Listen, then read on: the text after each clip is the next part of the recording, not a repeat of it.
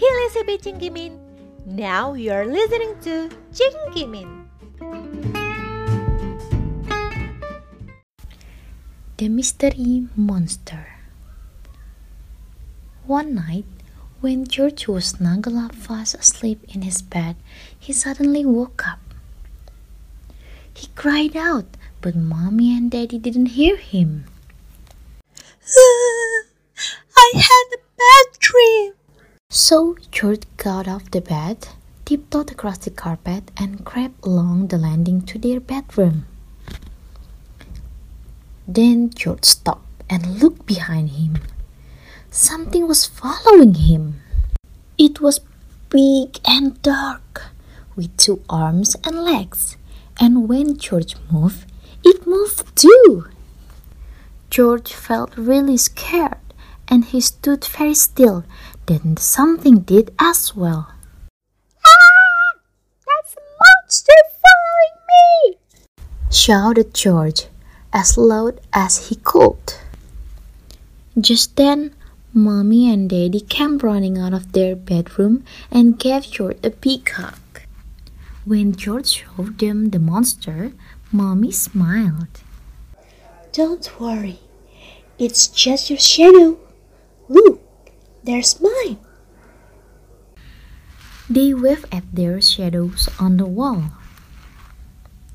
George giggled as they waved back. They had fun making shadow puppets on the wall together until George started to feel sleepy again. He yawned and so did his shadow. Good night, George. Good night, Shadow.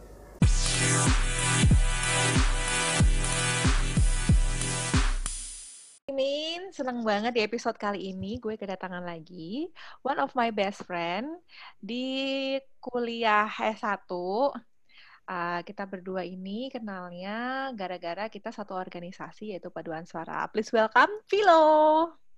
Halo. Salam kenal, gue Vilo. Merdu kan Eh, suaranya kan? Emang iya? ngaruh ya ngomong sama beda biasanya. Halo, eh gue perkenalan dulu nih. Boleh, boleh, boleh.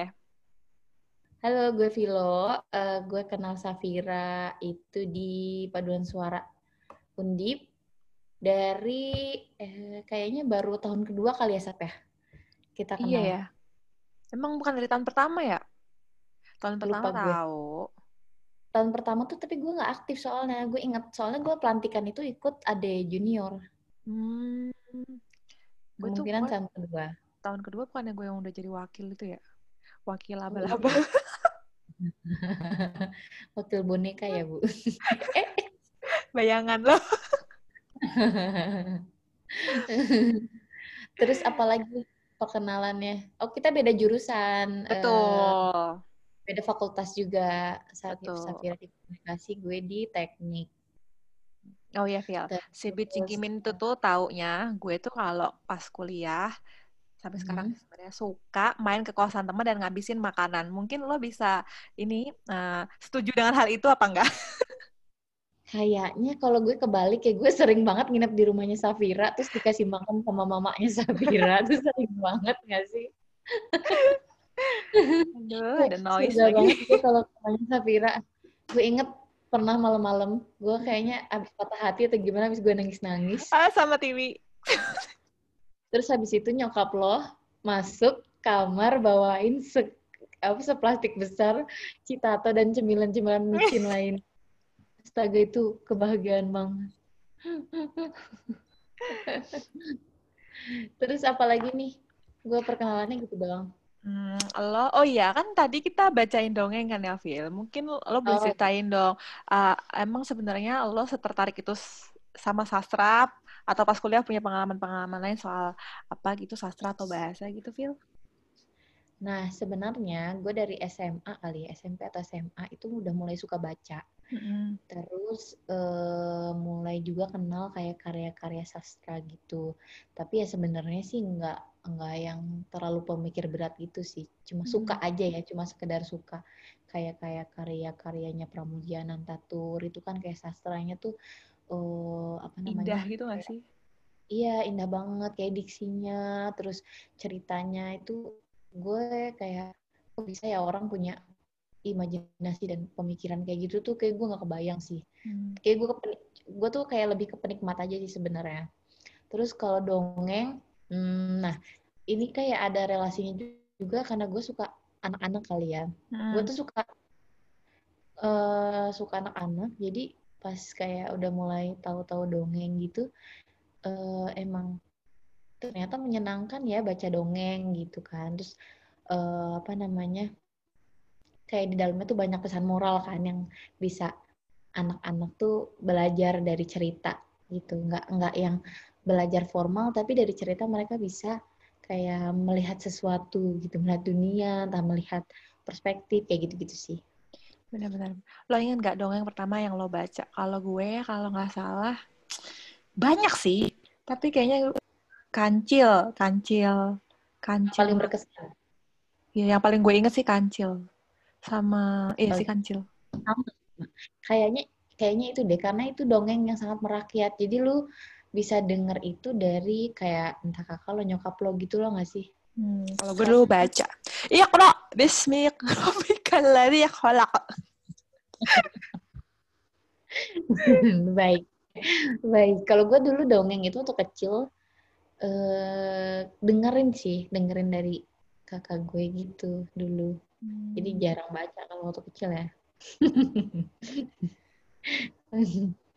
gitu ceritanya. Nah, terus uh, hobi lo akan apa baca buku gitu tuh lo tularin gak sih ke anak lo sekarang? Nah, oh iya sekarang uh, eh, btw gue sudah menikah dan sudah punya anak usianya satu tahun tiga bulan bulan ini.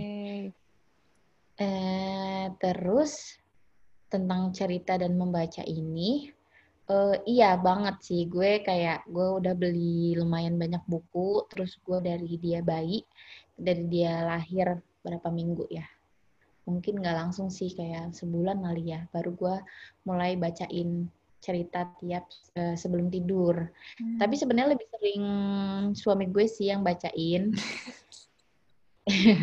ya gue kayak bacainnya kalau pagi atau siang, tapi bacainnya lebih ke nggak nggak cuma dongeng tapi kayak uh, cerita-cerita lain hmm. cerita atau enggak yang kayak buku-buku bergambar gitu hmm. gitu pengennya sih nanti anak gue juga suka baca gitu karena menyenangkan sih baca buku itu amin. Oh iya kalau nggak salah lo tuh dulu ketemu sama Bayu juga dipertemukannya gara-gara sastra ya Phil ya? Bener gak sih? Oh iya betul betul. Jadi uh, gue sama suami gue hmm. itu awalnya dekat itu gara-gara kita sama-sama suka baca buku. Jadi kayak suka tuker-tukeran buku gitu kan. Jadi terus hmm. sharing uh, apa namanya dari buku itu tuh apa yang paling disukain kayak gitu-gitu sih awalnya terus kita sering ke toko buku bareng ya terus sweet banget enggak ya kok uh, apa namanya ya gitu sharing-sharing buku sih paling sering dulu tapi sekarang pas udah nikah kok jarang ya? sekarang udah banyak online shop, jadi lebih gampang. Oh iya, ada Gramedia online juga sih itu membantu tuh lumayan. Hmm, bener. Terus eh, ngomong-ngomong soal pernikahan nih, sih. Sebenarnya, eh lo udah berapa tahun sih Phil ngomong-ngomong nikah? Menikah dua tahun berapa bulan lah ya. Juni tahun ini, kemarin dua tahun anniversary. Nah, keperasaan lo gimana tuh pas pertama kali lo dilamar sama orang yang benar-benar satu hobi sama lo dan emang satu visi dan satu misi? Kalau dilamar sih nggak terlalu kaget ya, karena kan kita udah pacaran ya. lama banget ya. Dan emang udah di itu kali ya, udah di prepare ya. ya. Iya, karena udah di prepare, udah lama, udah lumayan lama gitu kan. Jadi dari kayak dari dua tahun sebelum nikah tuh kan kita emang udah kayak ngeplan kan mau nikah kapan hmm. gitu jadi sebenarnya nggak terlalu kaget sih karena udah lamanya eh udah barangnya lumayan lama berapa gitu. lama sih udah cukup buat cicil rumah belum hmm, ya mungkin kalau misal yang cicilnya sebentar lima tahun udah lunas udah lunas udah lunas. Tujuh tahun kita udah bareng. Wow. sekarang dua tahun menikah. Hmm. Terus pas udah nikah masih ada ini nggak sih? Masih ada apa kalau gue sama Bobby kan baru setahun nikah ya, jadi gue masih sekarang masih nemu-nemuin hal-hal yang emang sebelumnya belum gue ketahui kan. Nah kalau lo Hmm. sendiri dari lima tahun pacaran terus dua tahun nikah masih ada hal-hal yang bikin lo kayak wow ternyata dia adalah orang seperti ini gitu. Apakah emang yang emang yang lo tahu di pacaran ya emang itulah pas nikah juga kayak gitu? eh itu di enam bulan pertama ya, enam bulan pertama menikah tuh yang eh, kita eh, kayak eh, mencoba kenal lebih dalam aja sih. Jadi kayak ini, kayak baru eh, kelihatan egonya tuh ternyata tinggi semua nih, sama-sama tinggi. Oh iya. Nah, itu enam bulan pertama tuh kita agak struggle ya, agak Hmm. struggle. Banyak hal yang ternyata mesti diomongin banget gitu. Dibuka-buka-buka lagi, oh ternyata gini, oh ternyata gitu gitu. Nah habis enam bulan itu sih eh, udah sampai sekarang kayak eh, udah enak aja gitu, udah saling ngertinya udah enak aja sih, udah sama-sama bisa ngomong. Terus Gitu. ada masalah nggak sih pas pembagian, apalagi setelah kalian punya anak ya? Ada masalah nggak untuk pembagian perannya sendiri gitu, Phil? Nah semenjak hamil terus habis itu punya anak, kita udah ngomongin eh, apa namanya, gimana nih kita eh, bagi tugas ngurus anak dan hak yang lain-lainnya juga ya. Hmm.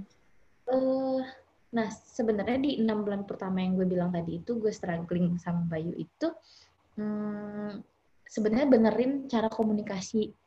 Ternyata tuh menurut gue ya Hmm. komunikasi itu benar-benar penting banget. Apalagi kayak bahas keuangan keluarga, siapa yang bakal eh, jadi manajernya gitu, siapa yang bakal jadi eh, apa namanya eksekutornya itu tuh penting Hmm. banget. Hmm. Terus hal-hal kecil semuanya itu benar-benar harus diomongin sih menurut gue. Itu karena bakalan ngefek banget ketika lo punya anak.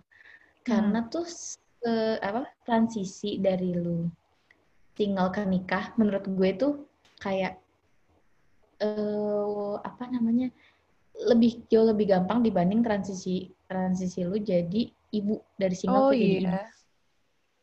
itu sangat-sangat apa ya menurut gue tuh jauh banget level kesulitannya tuh beda banget soalnya kalau jadi ibu tuh misalnya nih kan udah lahiran nih Hmm.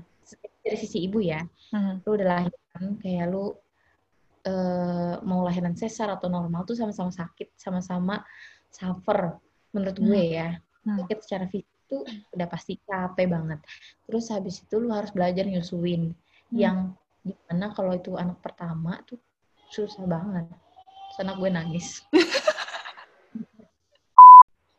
ini pengalaman gue ya jadi eh, kebetulan gue sebelum eh, jadi ibu itu eh, kerja kantoran Hmm.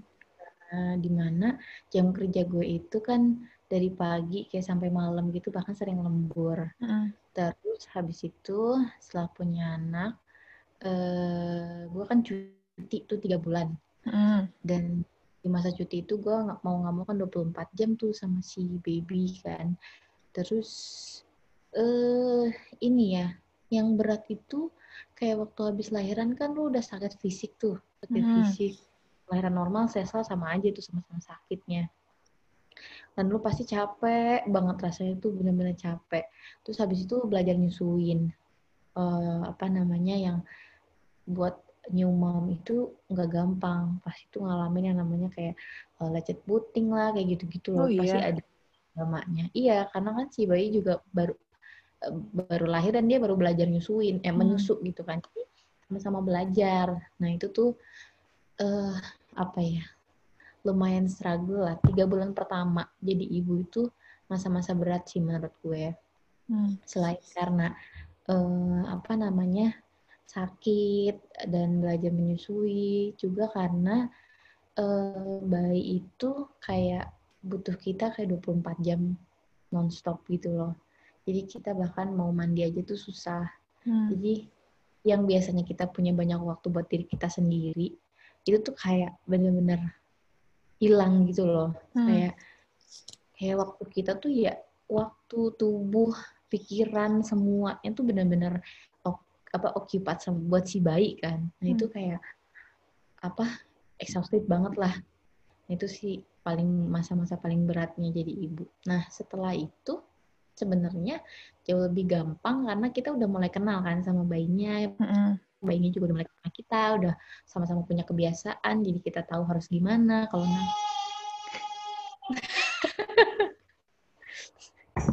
Teresa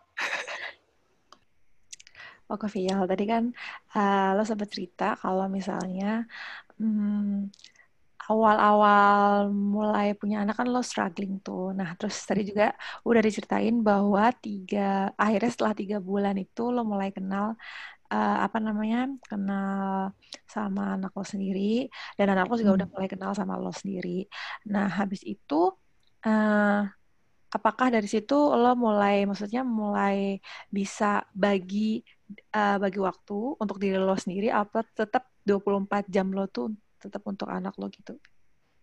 Nah, uh, sinilah fungsinya suami ya, Zap ya. Hmm. Tadi kan pertanyaan lu juga gimana sih pembagian peran uh, tugas sama bagian peran sama suami. Nah, hmm. sebenarnya pembagian tugas itu udah dilakuin dari semenjak dia lahir banget hmm. di rumah sakit Hmm. Waktu itu habis gue lahiran kan gue kayak masih harus istirahat tuh. Hmm. Si suami gue yang ngurusin administrasi dan juga ngecekin si bayinya di ruangan bayi kan. Hmm. Terus habis itu, habis pulang ke rumah, pembagiannya itu karena bayi baru lahir tuh biasanya tiap dua atau tiga jam sekali tuh harus nyusuin kan. Hmm. Harus nyusu tuh. Di tengah malam tuh gue dibantuin buat gantiin popok itu bagian si suami gue hmm. yang gantiin popok karena karena gue udah nyusuin gitu. Nah karena bayi baru lahir itu biasanya kayak sering banget masih sering banget pup sama pipisnya. Jadi tiap tiga jam tuh mesti diganti si popoknya. Nah di situ bagian tugasnya. Lumayan banget sih saat kayak gue bangun cuma nyusuin kan. Habis itu yang beresin popok itu si suami gue gitu. Kok bayangin kalau misalnya harus dua-duanya gue itu kayak iya capek banget katanya gitu kan. Soalnya gue juga tidurnya aja kan kayak tidur tidur ayam gitu. Mm-hmm. Nah itu awal-awal habis hmm, tiga bulan ke atas itu udah nggak sering ganti popok ya kayaknya eh habis sebulan atau dua bulan tuh udah nggak sering kok ganti popok jadi malam tuh dibiarin dia tidur nyenyak sampai pagi hmm Nah, bagi tugasnya, karena gue masih di rumah full, uh-huh. uh, tetap 80% gue yang ngurusin bayi. Uh, paling suami gue ngurusinnya pas weekend. Uh-huh. Weekend, ya uh, weekend sih. Mostly kayak ngajakin jalan, terus kayak bacain cerita atau hmm. ya inilah pas apalagi biar gue bisa mandi biar gue bisa ngapa-ngapain gitu kadang me time kayak sejam dua jam itu lumayan banget sih gitu sih pembagian tugasnya Terus? sampai sekarang uh-huh. karena gue memutuskan untuk resign nggak kerja kantoran lagi jadi 80% anak masih di gue. Jadi emang papanya fokus kerja uh, 20% bantuin ngurus anak ya itu tadi paling malam bacain dongeng terus uh, kalau pagi atau sore ajakin jalan-jalan keliling komplek gitu. Terus juga kalau misalnya gue mau mandi atau mau me time itu ya papanya sejam dua jam lah. Paling hmm. gitu sih Nah, lo tuh kaget gak sih, Phil, pertama kali pas lo, tadinya kan anak kantoran banget yang emang sibuk. Mm. Terus tiba-tiba ya, ya lo juga sibuk sih sekarang di rumah. Cuman mm. kayak yang gak, gak ada, istilahnya gak ada pekerjaan yang berurusan sama kayak komputer gitu-gitu.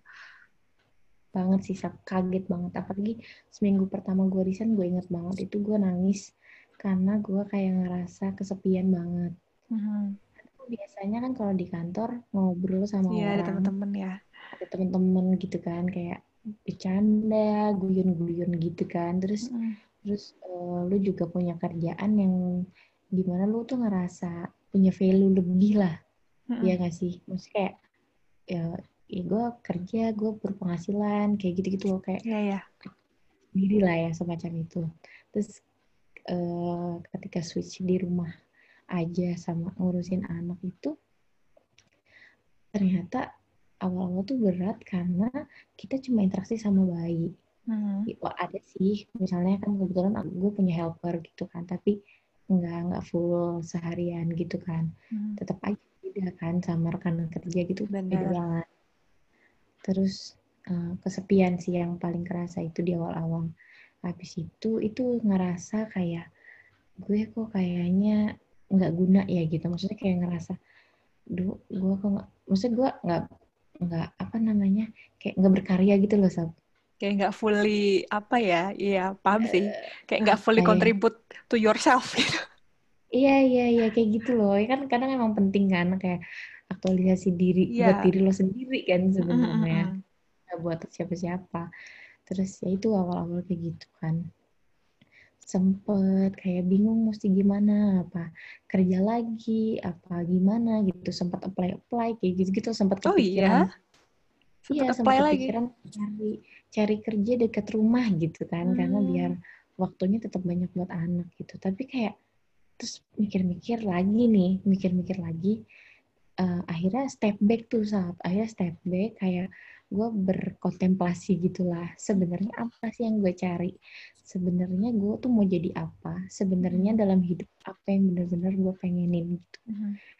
Yang tapi tuh setelah gue pikir sendiri itu gue share juga sama suami gue supaya apa namanya supaya tuh sama.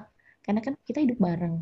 Betul. jadi rencana gue itu harus se apa ya sejalan lah sama rencananya suami gue juga gitu Hmm. supaya nanti kita saling bisa saling support nah akhirnya waktu itu memutuskan untuk oh ya udah kebetulan kan gue emang suka yang gue punya bisnis fotografi itu Mhm. eh, terus ya udah kenapa kenapa enggak seriusin nih bisnis bisnis fotografinya gitu kan sambil tetap eh, fokus ngurus anak kayak kan cuma bisa cuma seminggu sekali it's okay gitu kan. Eh, weekend gue foto eh, Sarah anak gue bisa ditipin sama suami kan. Hmm. karena gue lebih percaya kalau gue nitipin sama suami dibanding siapa pun gitu kan. Mhm. terus ya udah akhirnya kayak gue nemu ini oh ya udah eh, kayaknya gue bisa fokus di foto. Nah akhirnya gue udah mulai gue fokus di foto cari-cari klien kayak gitu gitulah cari-cari itu akhirnya lama kelamaan kayak udah gue udah terbiasa tuh mulai jiwa-jiwa freelancer gue udah eh, nemu patternnya gitu ya. Nah, gue udah nemu patternnya, akhirnya lama-lama enjoy. Ditambah, gue bersyukur banget, gue dapet teman di komplek yang satu frekuensi. Itu tuh penting banget ternyata. Sab. Maksudnya kayak gue ngerasa nggak sendiri gitu loh sebagai ibu. Yang ibu baru, yang baru resign, punya anak bayi, pusing ngurus sendiri, terus kayak nggak ada teman kantor. Nah itu ya udah dapet temen yang satu frekuensi sama-sama ibu-ibu yang baru resign demi ngurus Mm-mm. anak. Wah udah deh. Akhirnya kita tuh kayak grocery shopping bareng, terus eh, ke taman bareng. Jadi kayak ngurus anak bareng-bareng tuh kayak seneng banget sih. Dari situ sih gue udah mulai kayak hmm, apa namanya mulai benar-benar enjoy jadi ibu tuh dari situ Itu tuh berapa lama sih. Phil, prosesnya? Dari yang Ya. lo, tadi kata lo bilang lo ngerasa kalau lo nggak bisa, apa namanya, aktualisasi diri lo kurang, sampai akhirnya lo nemu, oh ini nih, ternyata gue bisa gitu. Tuh berapa lama, Phil, prosesnya? sebulanan kali ya Cepet ya Anda ya? Saya sudah berpikir nih akan lama. Iya. Nah, nggak tahu. Eh, mungkin karena bantuan suami gue juga sih. Iya. Untungnya gue bersyukur banget sih. Yang paling gue syukurin tuh emang suami gue support banget. Bener-bener supportnya tuh gue gue akuin deh bener-bener yang support banget kayak mastiin gue mentally tuh health gitu loh. Hmm. Heeh, mastiin kayak secara mental gue sehat, gue waras. Supaya karena emang impact banget kan ke keluarga gimana pun. Eh, Itu emang Terus, penting banget, eh, Phil, karena kan lo tahu sendiri kan banyak kasus apa ibu muda yang baby blues gitu kan, itu kan karena Nah. dari circle dekatnya sendiri tuh nggak support dia. Betul, betul. Dan menurut gue, suami itu benar-benar berperan sekitar 80%. Jadi kalau suami lu, kalau suaminya nggak dukung, kayak wah itu baby blues tuh benar-benar real banget sih. Kayak makanya gue dulu tuh udah baca-baca baby blues sebelum uh, melahirkan. Hmm.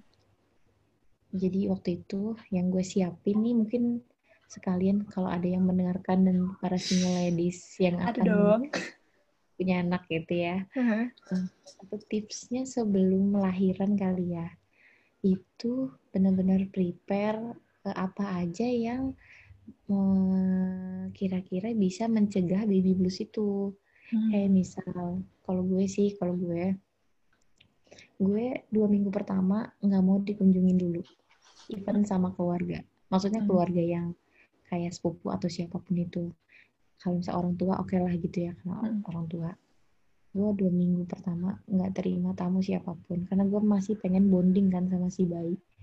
Bonding sama bayi gitu gitulah pasti kan masih rempong banget tuh Bener. terus habis itu punya itu yang bantuin sih punya helper yang bisa bantuin buat ngurusin kayak eh, cucian makanan beres-beres rumah jadi gue fokus ngurus bayi doang Hmm. kayak gue kalau mau makan tinggal makan gue cucian beres semua beres terima beres lah Hmm. itu terus eh habis itu ya itu sama suami yang bisa bantuin kayak tengah malam gantiin ganti popok itu penting banget ganti popok doang loh saat bantuin ganti popok aja itu kayak udah kayak berasa dibantuin banget banget itu Soalnya jamnya kan nggak pasti kan, Phil. Itu sih yang bikin ini nggak sih? Karena jam yang Kan, nggak ya, pasti karena di itu. jam-. Mm, karena di jam ini loh di jam ngantuk gitu kan di jam istirahat terus itu sih ya mungkin ya karena karena itu juga bisa dibilang kalau mau punya anak mesti prepare eh, apa namanya finansial gitu loh kayak ke, tapi gue juga sadar sih kayak nggak semua orang kan bisa afford helper gitu loh sab Mm-mm, benar. oh sebe ya sebenarnya sih nggak harus ini sih nggak harus orang dibayar sih Ya saudara sebenarnya juga bisa ya keluarga. Heeh, benar. Keluarga lu atau siapa yang bisa bantuin lah intinya sih gitu. Terus ya itu itu sih yang penting kayaknya ya supaya nggak baby blues. Intinya lu ngera- harus ngerasa disupport lah nggak nggak Hmm. sendiri. Karena kadang ya gitu kadang ngerasa sendiri. Kan gue berjuang sendiri banget gitu jadi berat. Oke. mikir aneh-aneh Jadi yang boleh gue highlight nih dari obrolan soal uh, dari dongeng sampai per parenting parentingan ini, khususnya untuk parenting ya. Pertama, lo tuh harus uh, selalu komunikasiin uh, antara Apa pun. suami dan istri apa pun. Even Hmm, nih kalau gue apa pun kalau gue even kadang mau ganti spray berapa kali sehari itu gue omongin. Hmm, iya iya. Iya, gue omongin. gue juga kok gue juga kok Nah, itu satu. Terus kedua, kalau emang emang punya anak, prepare fisik, mental, eh, finansial, dan juga eh, pokoknya emang harus di-prepare sih semuanya karena anak itu bukan yang main-main gitu kan, Phil. Nah, iya itu sih. Karena gue tipikal orang yang kayak, ini anak gue, dulu gue nggak mau kayak asal-asalan gitu loh. Kayak Benar. ya, dibiar-biarin makan apa nggak jelas gitu. Kayak, ya namanya anak gitu loh. Kayak udah lu dikasih amanah segitu besar. Jadi lu harus bisa menjaganya dengan baik. Betul bang. Terus sama, oh iya, selain fisik, mental, ini juga pengetahuan kali ya, Phil ya. Pengetahuan itu juga Oh penting. iya, pengetahuan sebelum eh, punya anak. Dan kalau misalnya buat yang pada belum nikah, Mm-mm. mungkin pengetahuan tentang komunikasi pernikahan juga penting ya Sab kayak Benar. ngomongin tadi kecil apa pun memang harus diomongin terus kayak nggak usah kode-kodean lah yang kayak ngambek-ngambek gitu Itu yang pas pacaran kode-kode itu tidak berlaku ya, guys. it doesn't work Ya, in marriage life lah pokoknya kalau kayak gitu ya daripada mangkal sendiri, mending lu omongin. Even Benar. kadang-kadang lo udah Nah. misalkan nih, lo udah capek cuci piring, lu omongin daripada lo mangkel ntar lu gila ya nggak sih? Ah, bener daripada main nah iya gue juga gue juga belajar sih Sab itu nggak nggak nggak mungkin kayak instan ya buat ada orang-orang yang susah kan ngomong termasuk gue gue awal nikah itu gue nggak bisa ngomong apa yang gue mau tuh nggak bisa gue cuma Hmm. bisa manyun ngambek ya gimana dong suami gue kagak ngerti dong gue mau apa Iya ya benar. kan ya Pria udah tuh emang makhluk yang nggak bisa menerima apa ya non verbal. Biasanya tuh verbal dia tuh. iya benar jadi mungkin sekedar tips tuh buat apa buat pendengar Safira ya. Ya gitulah. Mungkin harus belajar komunikasi sebelum menikah karena itu penting banget banget banget sampai iya sih kayak tadi jadwal, jadwal ganti spray aja ya Bayu, Bayu juga jadi hafal si suami gue jadi tahu oh ini hari Senin ya gitu waktunya. Tumben belum ganti gitu. iya kok nggak kok nggak ganti sih gitu. Misalnya kalau belum ganti ya. Eh, jadwal nyuci nyuci baju hari apa gitu-gitu. Hmm. ya iya iya iya betul betul Terus gue boleh nanya lagi nggak, Phil? Ini pertanyaan terakhir. Mungkin emang Oke. banyak hal yang eh, kita syukuri, tapi boleh nggak lo sebutin tiga hal yang paling banget lo syukuri hingga detik ini? tiga hal ya tiga Hmm. hal paling gue syukuri hmm, pertama Hmm. sehat Hmm. gue sekeluarga bener-bener gue bersyukur banget sampai hari ini kita dikasih sehat Hmm. terus eh, kedua itu eh, hmm, ini kali ya eh, dikasih rezeki yang cukup supaya apa namanya bisa tidur nyaman Hmm. tanpa khawatir yang berlebihan lah Hmm. gitu. Ketiga eh, apa ya? Susah ya pertanyaan gue ya? Kayak lebih susah daripada tugas ujian ya? Iya ya semacam itulah. Kayaknya berat ya sab ininya. Pertanyaannya tuh berat gitu loh. Ya yang ketiga, gue masih punya teman-teman kayak lo. Eh, Yeah. Terus, I. biar ada ininya loh sab. Biar ada kayak gimmick gimana gitu. Eh. Eh tapi bener bener di saat pandemi kayak gini kerasa banget gak sih lu mana orang-orang yang beneran deket sama lu sama enggak Bener. Betul sekali. Eh, gue tuh nggak cuma pas pandemi sih. Kalau gue selalu ngerasa temen gue itu ada apa enggak itu saat gue punya masalah. Jahat ya gue. Saat gue punya masalah Hmm. doang. Karena tuh Eh, tapi- baru kelihatannya. Hmm, hmm, hmm.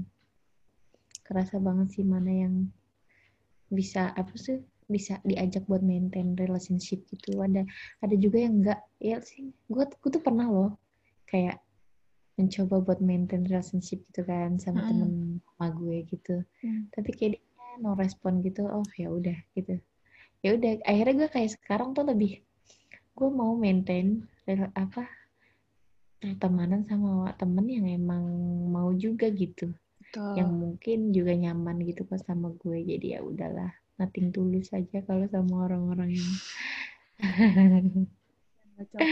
gitu sah Oke, thank you banget Vilo udah mau curhat sama si Bicing Kimin dan juga sama gue. Seneng banget. Semoga, ya ampun gue tuh udah lama banget gak ketemu lo ya. Terakhir tahun lalu kali ya. iya gue tuh kayak dari kapan sih gue pengen ketemu dari sebelum lo nikah bahkan Emang. udah ngajakin ketemu tapi susah banget ya. Terakhir kan nginep di rumah gue.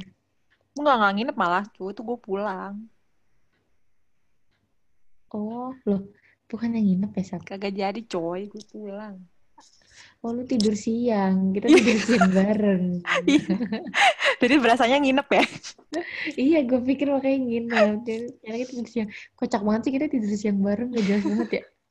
Habis makan ciki, habis itu ciki, pempek, terus tidur siang. kocak-kocak ya Allah udah lama banget ternyata Semoga kita bisa dipertemukan kembali ya, Phil. iya live. Atau gue Gue- ketemunya di sana. Atau